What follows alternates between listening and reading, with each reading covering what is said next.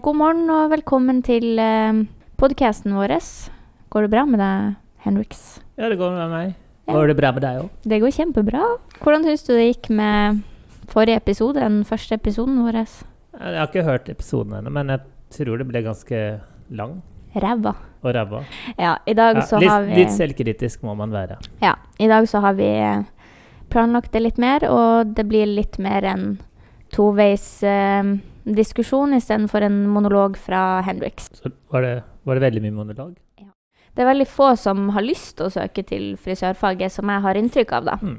Ja, ut ifra nå, nå har jeg snakket litt med folk innenfor den bransjen, innenfor skoleopplæring. Og det, sånn som det ser ut nå, så det så ser det ut som at det kommer til å bli rundt 1100 søkere i året.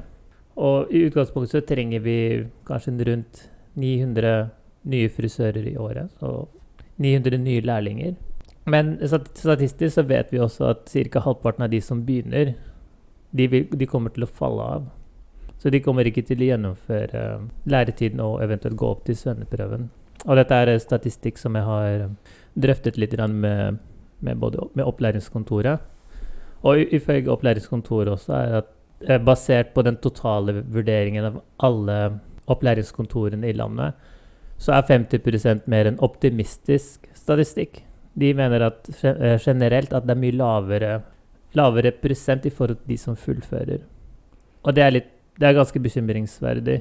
Når det allerede er så få Jeg vil anse dette er som få søkere. Ja, hvor mange av de 550 tror du slutter etter lærlingtida? Det er et, det er et godt spørsmål. For hvis man tenker generelt at man er ferdig med, med læretiden omkring 20, par og 20 gje- Igjen gjennomsnittlig, for det er noen, som, noen frisører som blir frisører i eh, De er eldre enn disse, disse ungdommene. Og jeg tipper at kanskje rundt par og 20 at uh, gjennomsnittet for når de er ferdig som lærlinger. Og det jeg hører, da, er at gjennomsnittsalderen for frisører i dag, når de slutter, er 28. Så det vil jo si at ikke mer enn seks år etter at de er ferdig med læretida, slutter de også som frisører.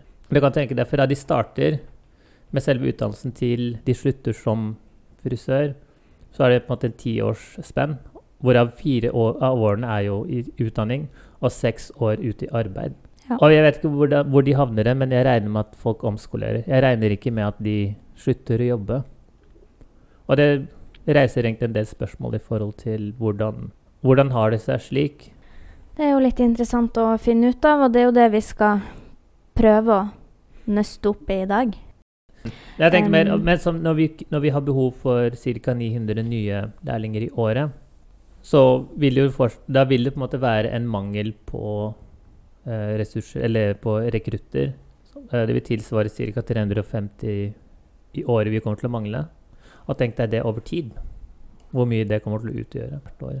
Ja, nå er ikke jeg så veldig god i matte, men jeg kan eh, Over ti år da, så vil du miste en fjerdedel av frisørene du har i dag, for det er ca. 16 000 frisører. Så hvis dette fortsetter i ti år til, så, har du, så vil du på en måte miste en fjerdedel av eh, de frisørene du har tilgjengelig. For du sa jo nettopp at det ikke var så mange Altså at det ikke er mangel på folk som søker på frisør på videregående. Men jeg tenker jo Jeg syns det er det. Da jeg gikk eh, Da jeg gikk på videregående, så hadde var, var vi vel eh, tror vi var seks stykker i, i klassen. Jeg syns jo det er litt mangel på informasjon.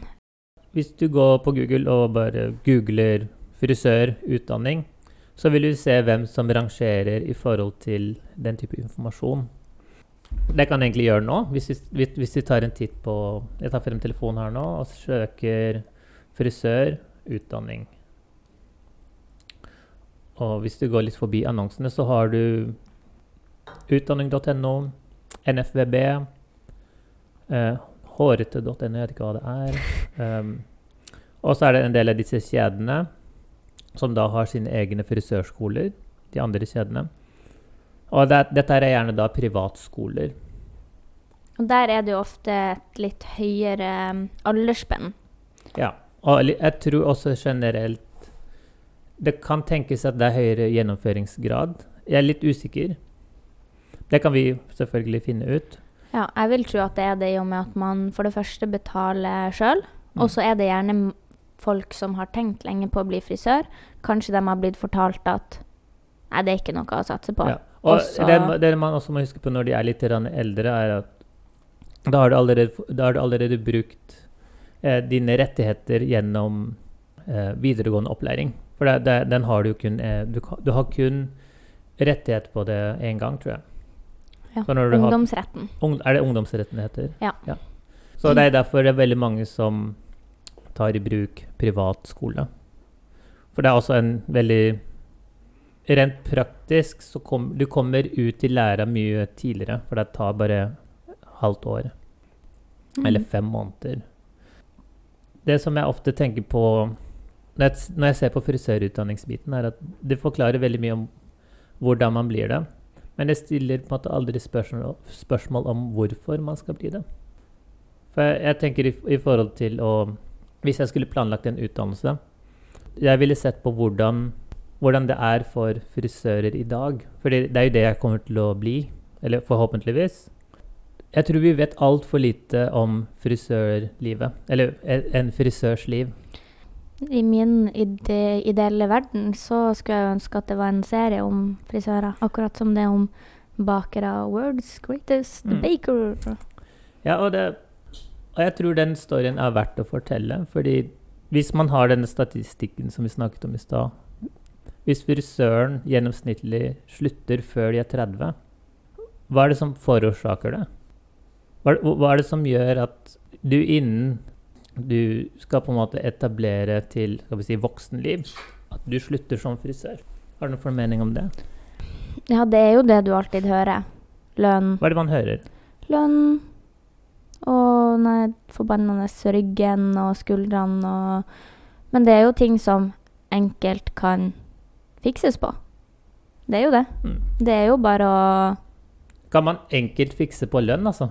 Det, det er Ja. en forskjell. Hvis man er litt, eh, litt nysgjerrig på det, så kan man bare høre på den første episoden vår. For der går vi ganske greit gjennom hvordan man faktisk kan tjene okay. mer som en frisør. Jeg syns at vi bør gå litt tilbake til uh, den informasjonen man får. Ja. ja, det er jo ganske mye informasjon man burde ha tilgang på når man skal ta en avgjørelse, syns jeg.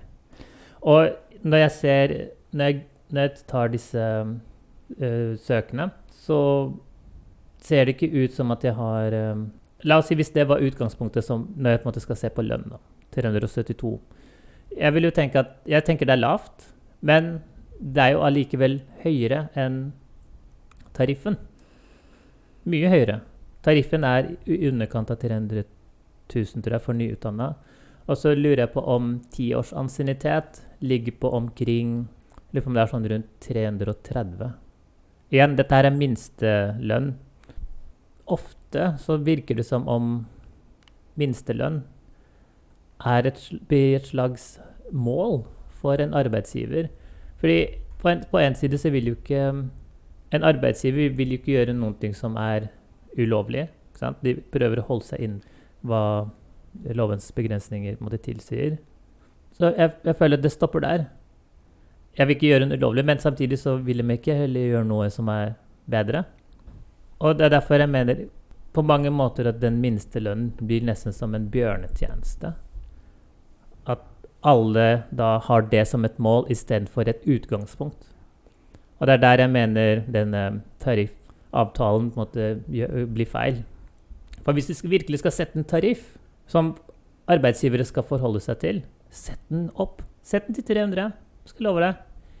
Ingen kommer til å ansette en frisør med mindre de visste at denne frisøren kunne omsette sin egen inntekt.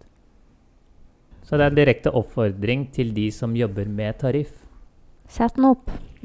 Det er bare mm, frisørbransjen sjøl som kan høyne bransjen. Høyne interessen for frisørbransjen. Men at- ja, jeg er uenig, uenig der. For jeg mener også at i enhver avtale så er det to parter. Selv om du kan si at frisøren er, er ansatt og er den skal vi si, svakere part, så har du fortsatt et ansvar med å vurdere hva du sier ja til. Fordi denne avtalen blir jo bare til pga. at folk sier ja til den. Det er, det er frisøren sjøl som takker ja til en mye dårligere avtale enn det de kunne ha fått.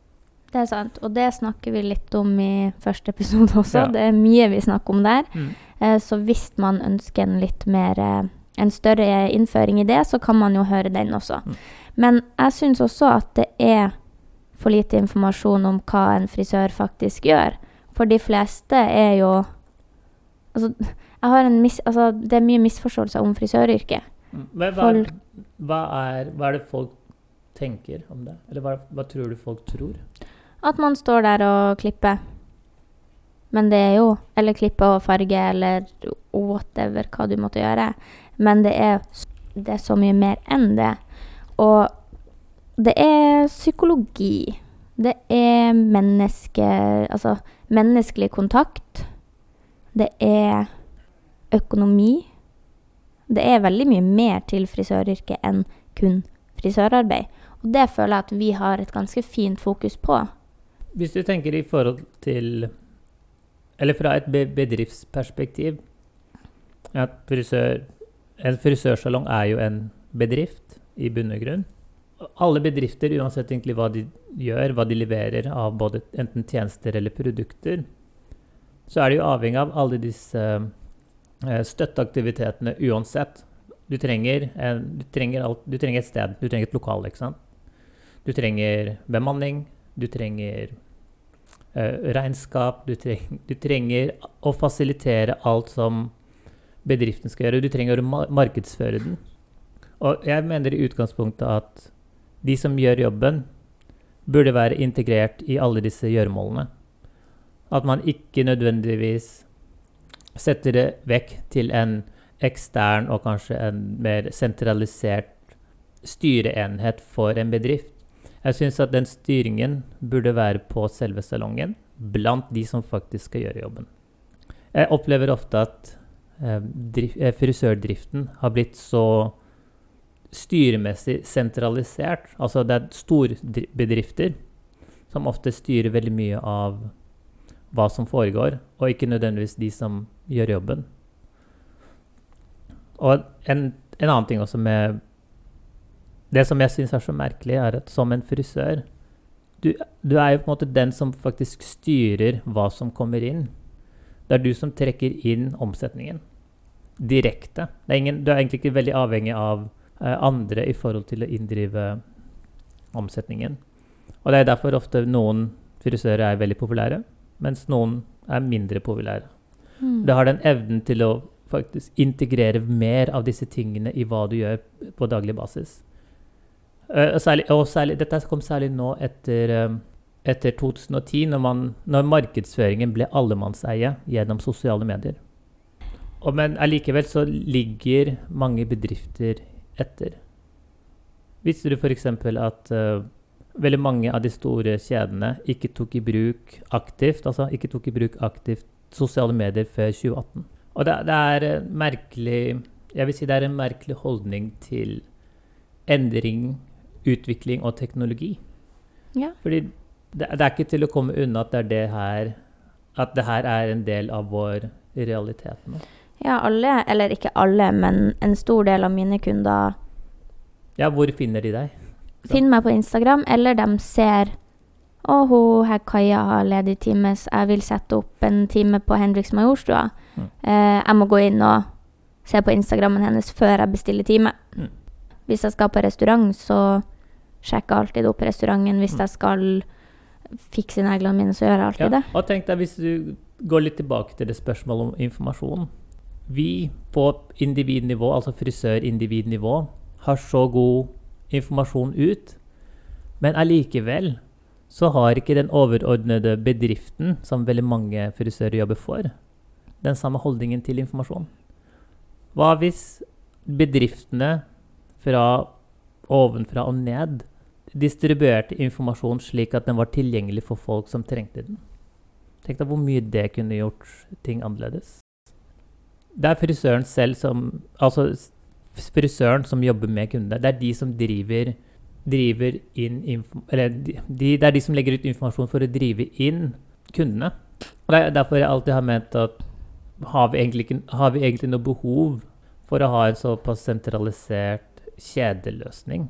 Kunne ikke bare alle frisører vært sine egne sjefer?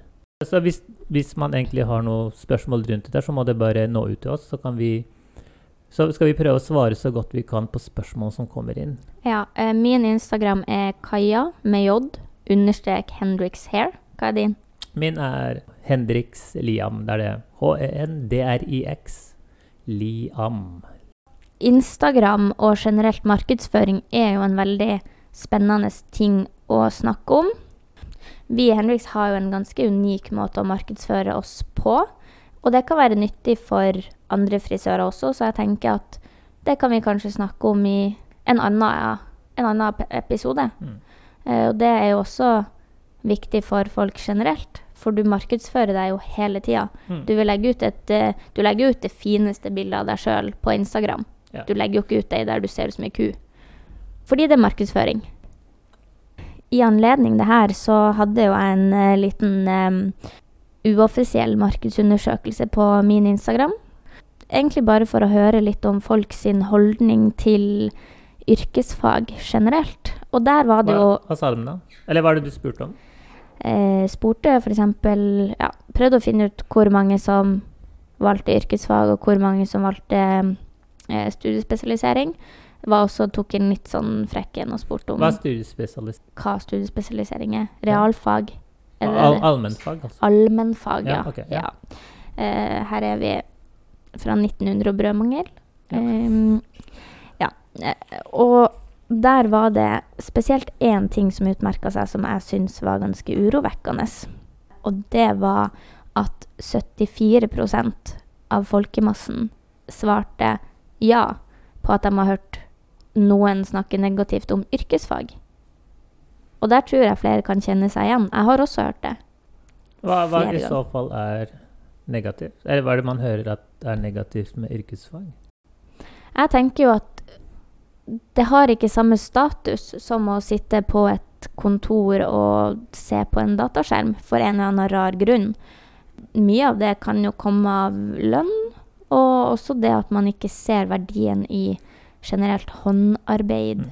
lenger. Jeg, har jeg har tenkt en del på det.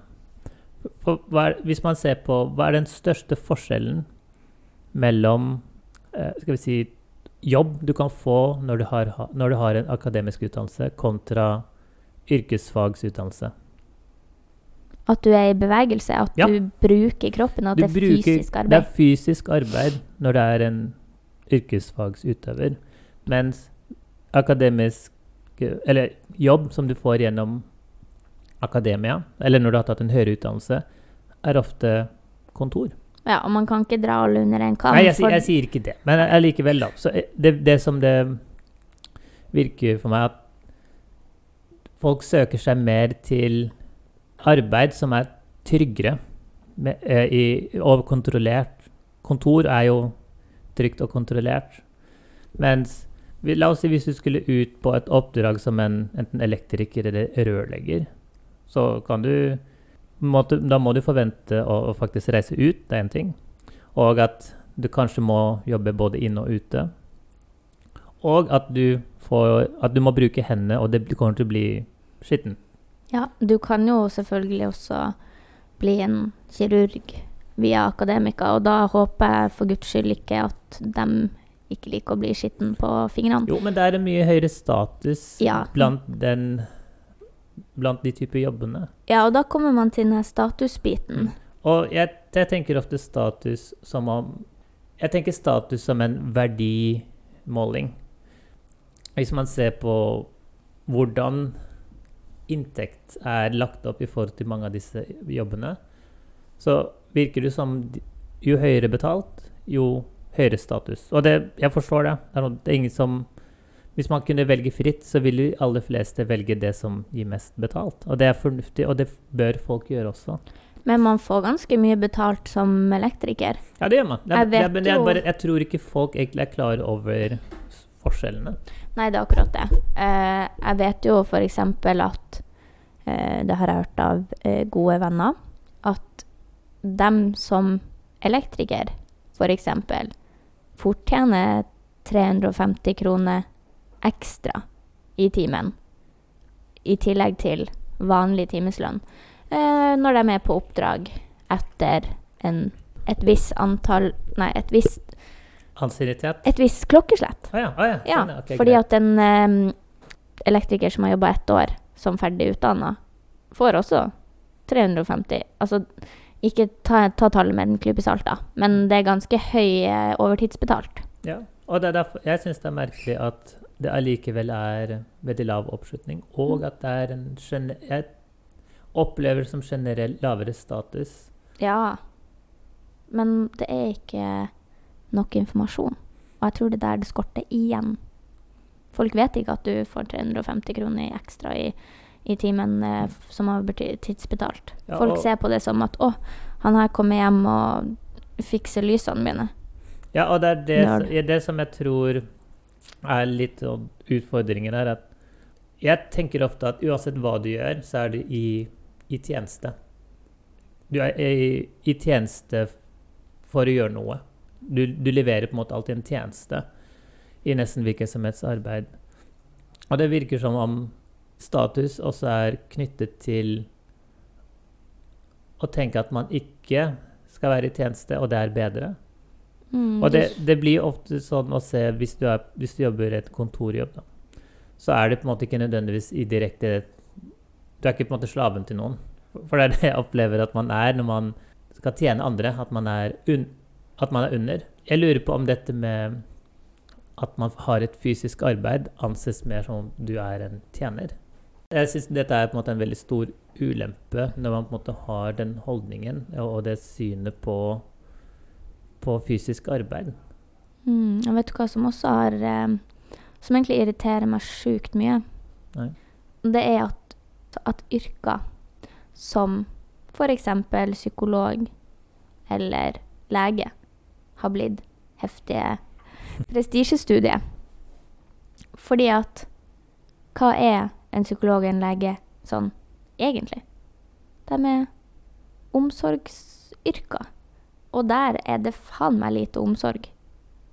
Ja, det er, det er jo altfor teknisk lagt opp. Mm, jeg, Men dette er, faktisk det er en unik eh, Når det kommer til legestudiet f.eks. i Norge, så er det, mye, det er lagt vekt på mye mer av dette mellommenneskelige eh, attributtene, eller de, de egenskapene med mellommenneskelige egenskapene, enn ren teknisk lege eh, At du på en måte er flink til å gjøre alle disse legetingene. De, de legger mye mer vekt på at man, har, at man forholder seg til folk, enn bare å gjøre selve jobben.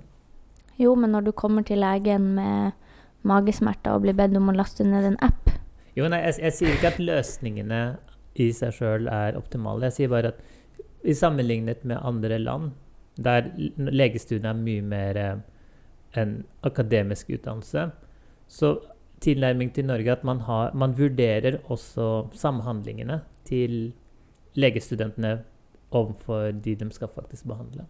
Det blir målt.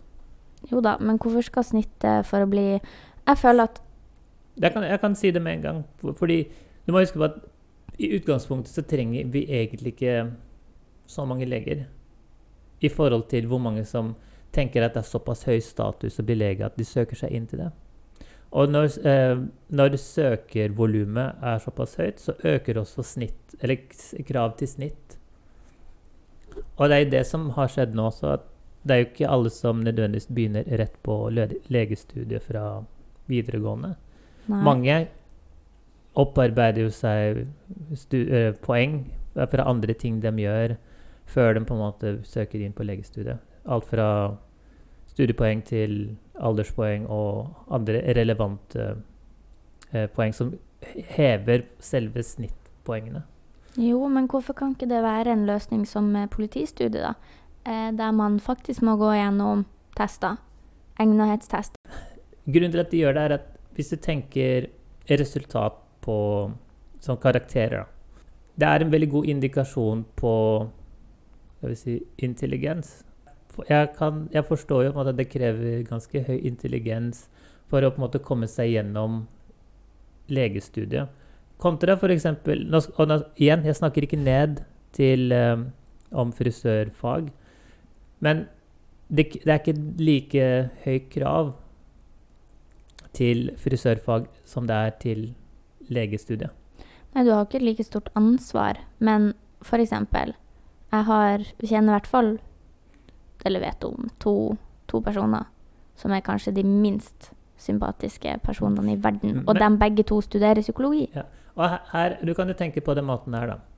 Velger folk på en måte å bli leger pga. at de vil ha ansvaret? Nei, de vil ha, det, de vil ha status. Ja. Det det, det er derfor, og det er derfor jeg mener at det er ikke alltid like åpenbart at folk velger de tingene av riktig årsak. For jeg vil jo tenke, Hvis jeg skulle blitt lege, så er det pga. at jeg syns studiet er interessant. Altså selve det som foregår med folk, kroppen og, og, og Både kropp og sjel. Mm. Eh, eh, Det som på en måte foregår i, med den fysiske kroppen. Og at jeg ville tenkt på et ansvar jeg i så fall ville tatt. For, fordi jeg ønsker da å bidra til noe som blir bedre for de da som kommer inn, og som trenger det.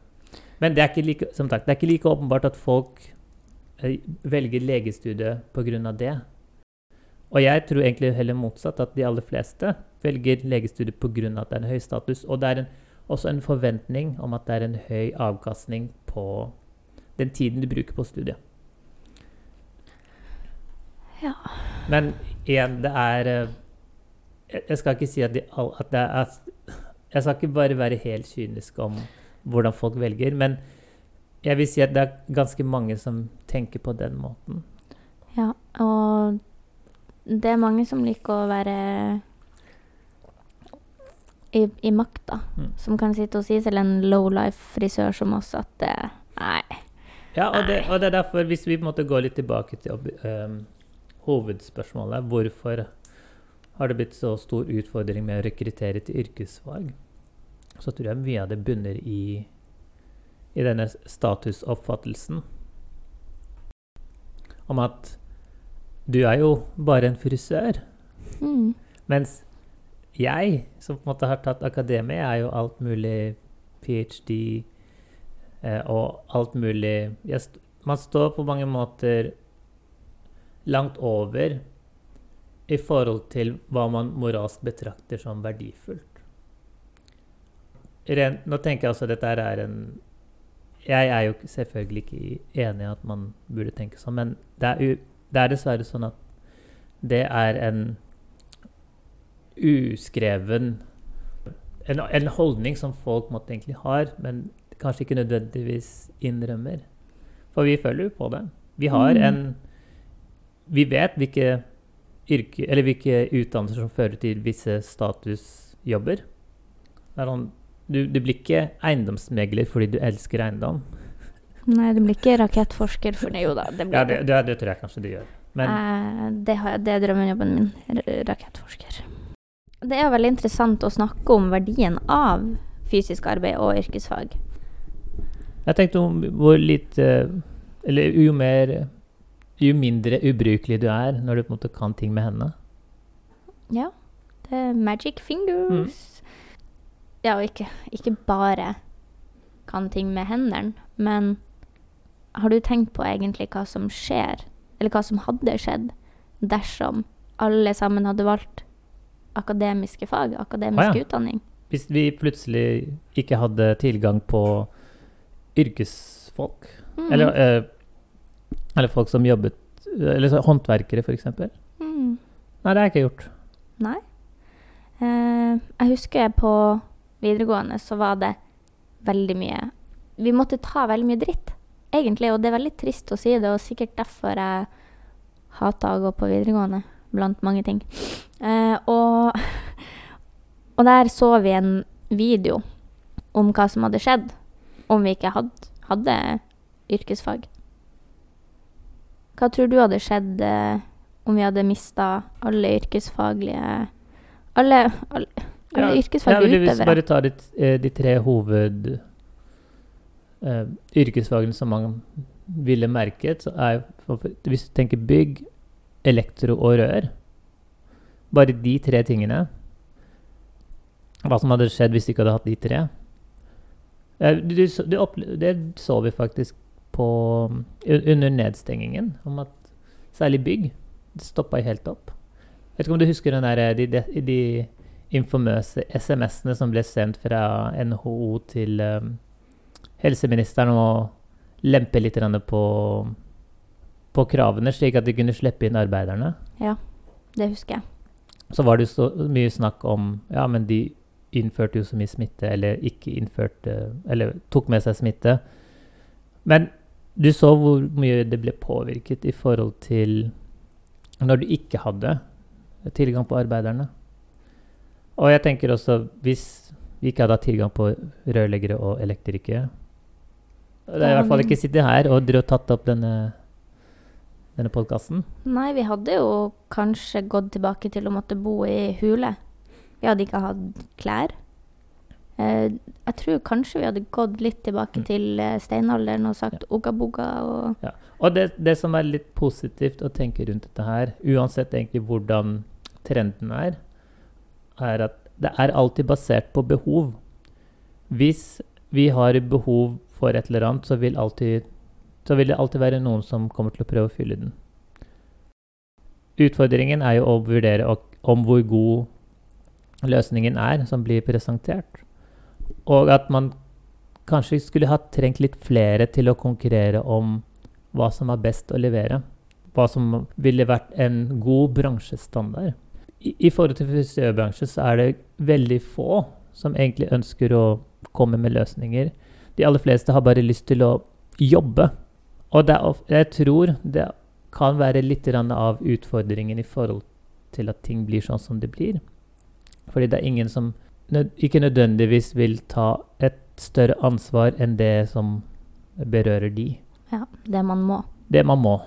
Man finner ikke noe bedre dersom man bare gjør det man må. Og dette her er, snakker veldig også om hva slags holdninger som har blitt skapt, og hva som blir formidlet til de som faktisk gjør jobben. Jeg tror, selv om vi ikke nødvendigvis sier det direkte til frisøren at du er bare en frisør, så er det det veldig mange frisører går rundt med, at jeg er bare en frisør. Ja, og man får høre det også. Har du hørt det noen gang?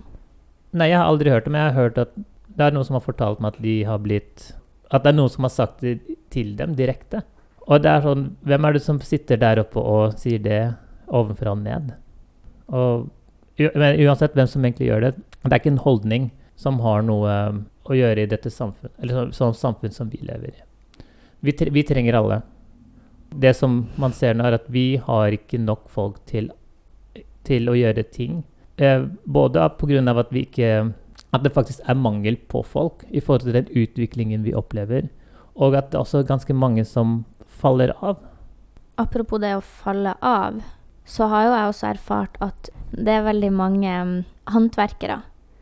F.eks. elektrikere, snekkere, malere, som blir bytta ut med importert arbeidskraft. F.eks. som du snakka om da under lockdown, at man ikke fikk importert eh, byggearbeidere. Hvorfor kan man ikke da bruke alle de byggearbeiderne som vi har i Norge? For det er ganske mange som har måttet omskolere seg fordi at man blir bytta ut med litt billigere arbeidskraft. Og ta det Ja, det er ikke noe Men jeg tror ikke det er en litt kombinasjon av både lav tilgang på arbeidskraft på den fronten, og potensiell rimeligere arbeidskraft. Ja, og jeg tror også det handler mye om Sånn som vi sa, da penger er status. Og hvis du har et eh, elektrikerfirma, og du er litt sånn Nei, jeg, jeg vil ha mest mulig penger for minst mulig arbeid. For det er der holdninga ja, mange har. Det i tillegg til avskysensitivitet. For det- du, du kan tenke deg at å jobbe på et kontor er et mye renere og kontrollert miljø, mens et, hvis du er en håndverker, så må du belage deg på å kanskje bli litt møkkete. Mm. Og at det, at det er en, en slags sensitivitet mot Eller nærmere, nærmere en avsky mot å bli møkkete for å få møkk på seg. Jo, nei, men jeg, jeg tenker i hvert fall det. Mm. At, det en, at folk har en tilbøyelighet til å velge bort det, man, det som kan gjøre deg møkkete. At du vil holde deg igjen. Og det, og det gjør kontorarbeid.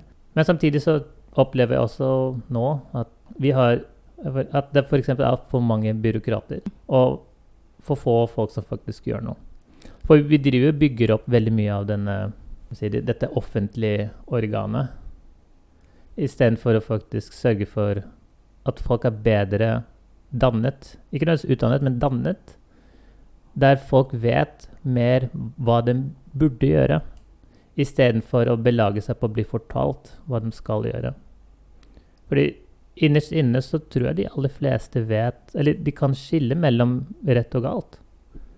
Sånn for eksempel Jeg vet at den kaka der vil det smake godt nå. Men jeg vet også at hvis jeg spiser det der hver dag, hva det kommer til å føre til. Men Og vi, vi vet det, selv om vi ikke nødvendigvis gjør det som er riktig. Og det er der jeg tror veldig mange fortviler litt i forhold til at man ikke enten klarer å utøve nok kontroll, eller at de ikke klarer å ta nok ansvar til å velge det som er riktig. Og det tror jeg også smitter over i valg av, av retning når det kommer til utdannelse. Ja, og nå har vi også fått en helt ny bransje. Influenserbransjen. Der er det mange som vil inn. I hvert fall blant unge.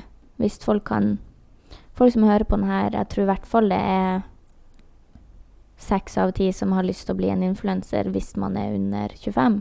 Fordi at det virker som en enkel jobb. Du får sponsa ting, hår, negler. Får ingen jobb. Der tråkker jeg kanskje på noen tær. Ja, jeg, jeg, vil si at det er ganske mye jobb, og det er mye å stå i. Så jeg er kanskje litt uenig med akkurat det med at det er mye jobb. Eller det, det er der jeg tror også den realitetssjekken kommer inn blant de som faktisk har lyst til å bli influensere. Ja, og der er forskjellen på frisør eller elektriker. Influenser, så hører man bare 'Å, penger. Gratis ting'. Men man hører ikke om 'OK, du må stå i hatstormer, du får masse negativitet, masse ne Altså, ja. Du må stå i mye. Hvis du er en frisør, så tenker folk 'æ, får ikke så mye penger for det', og Og det er det, Jeg vil si det er Særlig det med at man får lite penger. Det er delvis sant.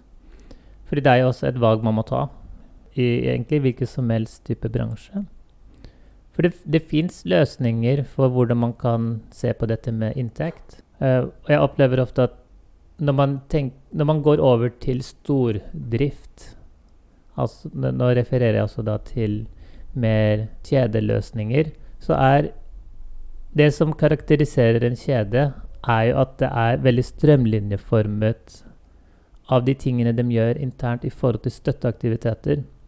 De har gjerne konkrete planer hvordan ting skal håndteres. Og det, det, gjør det veldig mye mer forutsigbart, selvfølgelig. Samtidig så gir det ikke så veldig mange muligheter, for alt blir jo jevnet ut. Du vil aldri, på, du vil aldri kunne løfte opp den trenden pga. at gjennomsnittet vil alltid trekke den ned. Og det er også basert på at vi har en Jeg vil si at det er en utdatert løsning vi har i forhold til å håndtere fordelingen av verdi i et selskap. Det kan også sammenlignes med andre yrkesfaglige yrker, eller ikke bare yrkesfaglige. Jeg tar taxinæringen, f.eks. Det jeg tror veldig mye av oppgjøret som har vært nå med frislipp av uh, transportløyve, eller at de nå uh, går bort fra denne løyveordningen, det åpner for en mye større konkurranse. Og med tanke på alle disse teknologiske utviklingene vi har hatt, særlig med å gjøre nett eller, og informasjon mer tilgjengelig til folk, og at ting er mye mer app-basert, så det gjør på en måte at distribusjon av den informasjonen blir enklere og at uh, folk, eller individer, kan nå bli sin egen, uh, sin egen sjef og kjøre sin egen bil og tjene sine egne penger. Før så var det sånn at du måtte være tilknyttet et større um, taxiselskap for i det hele tatt kunne jobbe som en sjåfør. Og så har det egentlig bare bidratt til at det blir jo en sentralisering hvor noen vil alltid tjene på andres arbeid.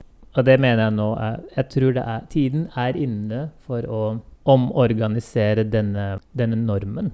Det med at folk bare skal jobbe for noen andre Eller, snu på det. At folk bare skal selge tiden sin til andre. Og det, for meg så gir det ingen mening å selge tiden din. Det er mye bedre hvis du heller selger meg et resultat. Du kan heller på en måte selge meg din tjeneste. Jeg har egentlig én ting til jeg vil snakke om. Bare for å få litt mer mer på kjøtt på beinet om denne verdien av eh, frisører. Mm. For det er jo i all hovedsak det vi ønsker å fremme. Husker du hva som skjedde da covid-19 traff? Det var lockdown. Og frisørbransjen var jo også under lockdown. Ne. Og da så vi jo en bølge av konsekvenser, da. Hvordan var det når vi åpna igjen? Det eksploderte jo. Ja, og hva eksploderte det med? Forferdelige hjemmefrisyrer. Altså, jeg tror du mente når det åpna. Ja. Ja, men husker du da alle ja, alle skulle gjøre ting hjemme. Ja, og folk skinna seg. Jeg syns det egentlig var en fordel å på en måte se For, for å faktisk se effekten av hva hvis vi ikke hadde hatt folk til å jobbe med dette her. Og du huske, jeg tenker ofte på når det, når det kommer til hår du kan, du kan si hva du vil om det, men håret ditt er 80% av representasjonen din når folk ser deg. Og det, er, det kan hende det er til og, med, til og med ubevisst når du går forbi noen. Så er det en eller annen form for Den initielle tiltrekningen mot folk er ofte basert på håret. Din representasjon består Jeg vil si den er 80% hår. Ja, hva syns du om håret mitt i dag? Fint? Det er fint. Nydelig. Så, det, så tydeligvis så Du, du har ikke pynta deg for meg? Nei, det pynter meg faktisk ikke for noen. Men eh, det jeg vil si om akkurat det, er jo TikTok. Det er så mange som finner inspirasjonen sin på TikTok. Og det er der trender lages nå. Den der fetaostpastaen, har du smakt det? Nei. Der du tar en fetaostblokk og setter den i en ildfast form, og så tar du tomater. Det førte jo til en enorm oppslutning på TikTok, og da ble det faktisk utsolgt. Det var mangel på fetaost i Finland. De hadde, sånn som smørmangelen vi hadde for noen år siden. Det skjedde Ja, det samme med fetaost. Og det alle skulle lavkarbo.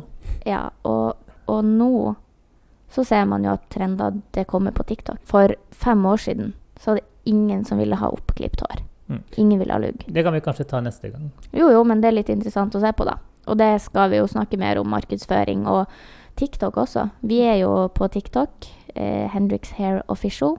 Den er litt død for øyeblikket, men det kommer liv i den snart. Det blir jo å gå tilbake til Eller punktvis her så blir det jo det å Hvorfor er det så stor utfordring til rekruttering? Og vi drøftet jo dette med mangel på informasjon, status Og konklusjonen bør på en måte være noe imellom de to. Informasjon, status informasjon på sin side så er det kanskje det at det er mangel fra At ikke det er så mye informasjon blant frisørene sjøl, men at mye av det vi fant, kommer jo fra sånn som NFB og litt sånn instanser der oppe. I sist episode så snakka vi også litt om forskjellige organiseringsformer i frisøryrket. Du kan velge å være selvstendig, sånn som jeg har valgt, eller så kan du være ansatt.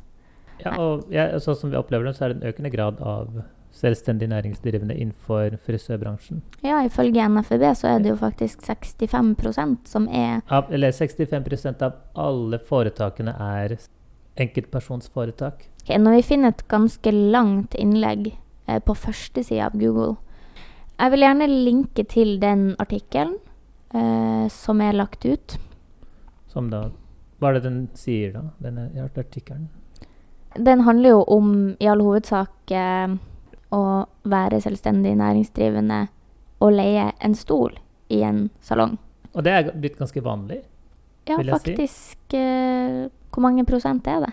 Jeg vet ikke hvor mange prosent som driver med det, men det er, det er en økende andel.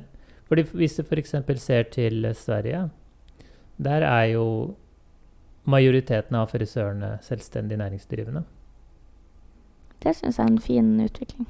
Ja, eller det, vi får se, da, fordi det er um, Jeg har jo tro på at vi har en Vi har behov for en viss regulering. At det er noen ting som bør være regulert av uh, myndighetene. Mens mesteparten syns jeg skal være åpen markedskonkurranse.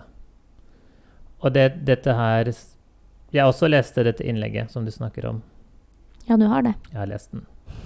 Og det den egentlig snakker veldig mye om, er faren med å å bli selvstendig næringsdrivende. Og at det er en veldig stor risiko du tar pga. at du tar et ansvar for egen virksomhet. Og jeg ville ikke forventet noe annet når man på en måte tar et sånt ansvar. Jeg forstår at det skal være stor risiko, og at du, du kan møte på store utfordringer som næringsdrivende. Men det det også gjør, er at det utfordrer deg som person i forhold til hva du kan og ikke kan. Og jeg tenker ofte hvis det er noen ting som jeg ikke kan, så har jeg veldig gjerne lyst til å lære det hvis det kan gi meg en fordel.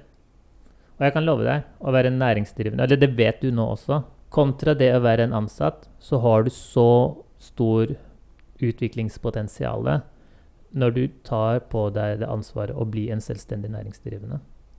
Absolutt. For da, da, da er det ikke slik at du bare gjør som du får beskjed om. For det er det du må gjøre som ansatt. Og for, jeg tror også for veldig mange i frisørbransjen så er det veldig vanskelig å bare ta imot ordre. Ja, vi er jo kreative Mm. sjeler. Og det er derfor jeg tror også veldig mange slutter. Og igjen derfor vi har denne lave s- eh, alderen for å slutte som frisør. Og det, det er derfor jeg mener vi, vi må ha en mye, mye mer åpen dialog. Særlig med, med folk med, med bransjene, eller de som på en måte driver disse bransjeforeningene. Vi, vi må på en måte ha en mye mer åpen dialog om hva vi kan gjøre med dette her. Ik og ikke bare feie det bort som om ikke det eksisterte. Så det er, dette er egentlig en invitasjon til de som på en måte skulle mene noen ting om disse forskjellige organiseringsformene. Og igjen en åpen invitasjon til å drøfte, og ikke nødvendigvis bare at man skal fortelle hverandre hvilke av organiseringsformene er best. Hva som er rett og galt. Mm. Fordi de har sine fordeler og ulemper begge to. Ja, Og det, jeg, det er ikke alle jeg ville anbefalt å bli selvstendig næringsdrivende, f.eks. Dette, dette innlegget vi snakker om, den var nærmest for å skremme folk fra å bli en selvstendig næringsdrivende og leie stol. Men de, den, sa, den sier jo heller ingenting om alternativet om når man er ansatt. Hvilke ulemper det på en måte medbringer seg. Det hadde vært interessant å få en dialog om det med noen som kanskje kan, kan det bedre enn oss, som vet Ja, det bedre absolutt. enn oss. Ja, jeg, jeg, jeg, jeg er veldig åpen for å høre på hva de sier, og ikke bare hva overflatestrategien deres er, med å bare avfeie alt som er annerledes. For det, det er det jeg på en måte følte når jeg leste denne, art, denne artikkelen. De på en måte påpekte alle fallgruvene. Ingenting av fordelene ble nevnt. Om ikke annet så var det sånn at det ikke var noen fordeler. At de heller rådet på, grunnlag av det de skrev, at folk heller faktisk burde heller vært ansatt. For det er ingen fordeler å hente som næringsdrivende. Og det kan jeg si med en gang at det er feil. Er næringsdrivende, eller den viljen til å bli næringsdrivende, som driver ting fremover. Så Nei, nå vet jeg ikke hva dere syns om det vi på en måte har snakket om, men vi, fall, vi syns i hvert fall det er superinteressant å snakke om alle disse tingene. Og på et eller annet tidspunkt så kan, kommer vi kanskje til å legge ut hele prosessen vi går gjennom når vi på en måte spiller inn podkastene. For en del ting som vi snakker om, kommer ikke med på, på sluttresultatet. Takk det- Gud for det. Ja, det, det er enig. Til neste gang så jeg lurer på om det kunne vært veldig interessant å snakke om dette med SoMe-delen. Dette med sosialmedieaspektet av av- Eller hvordan sosiale medier har endret bransjen. Og egentlig generelt hvordan det har endret markedsføring. Ja, li, altså livet generelt. Ja. Sosiale medier har påvirka Mm. ekstremt mye. Ja. Og det gleder jeg meg til å høre om neste Det gang. Jeg håper, jeg, jeg håper vi høres neste gang. Og hvis noen har feedback, spørsmål, du har ris eller ros eller ting du ønsker at vi skal ta opp, eller har lyst til å ta en uforpliktende prat med Hendrix sjel, så Jeg kan nå oss på alle sosiale medieplattform, og på Instagram så heter jeg da Hendrix-Liam. Eller så er jeg også å søke på, på Facebook. Og er det ikke sånn at vi også kan søkes opp på, på TikTok? Eh, Hendrix Hair Official, det er TikToken vår. Jeg vet ikke helt om man kan sende meldinger der, så oppdatert er jeg ikke. Men dere kan i hvert fall nå meg på Kaja understrek Hendrix Hair hvis dere har lyst til å snakke med noen som er litt mer eh, ung og hipp og kul. Og det var teit. Ja, det, det er kanskje teit, men it's the truth. Tusen takk for at dere hørte på podkasten vår i dag. Vi setter veldig stor pris på om noen faktisk er med helt til slutten. Takk og farvel. Ha det. Hei då.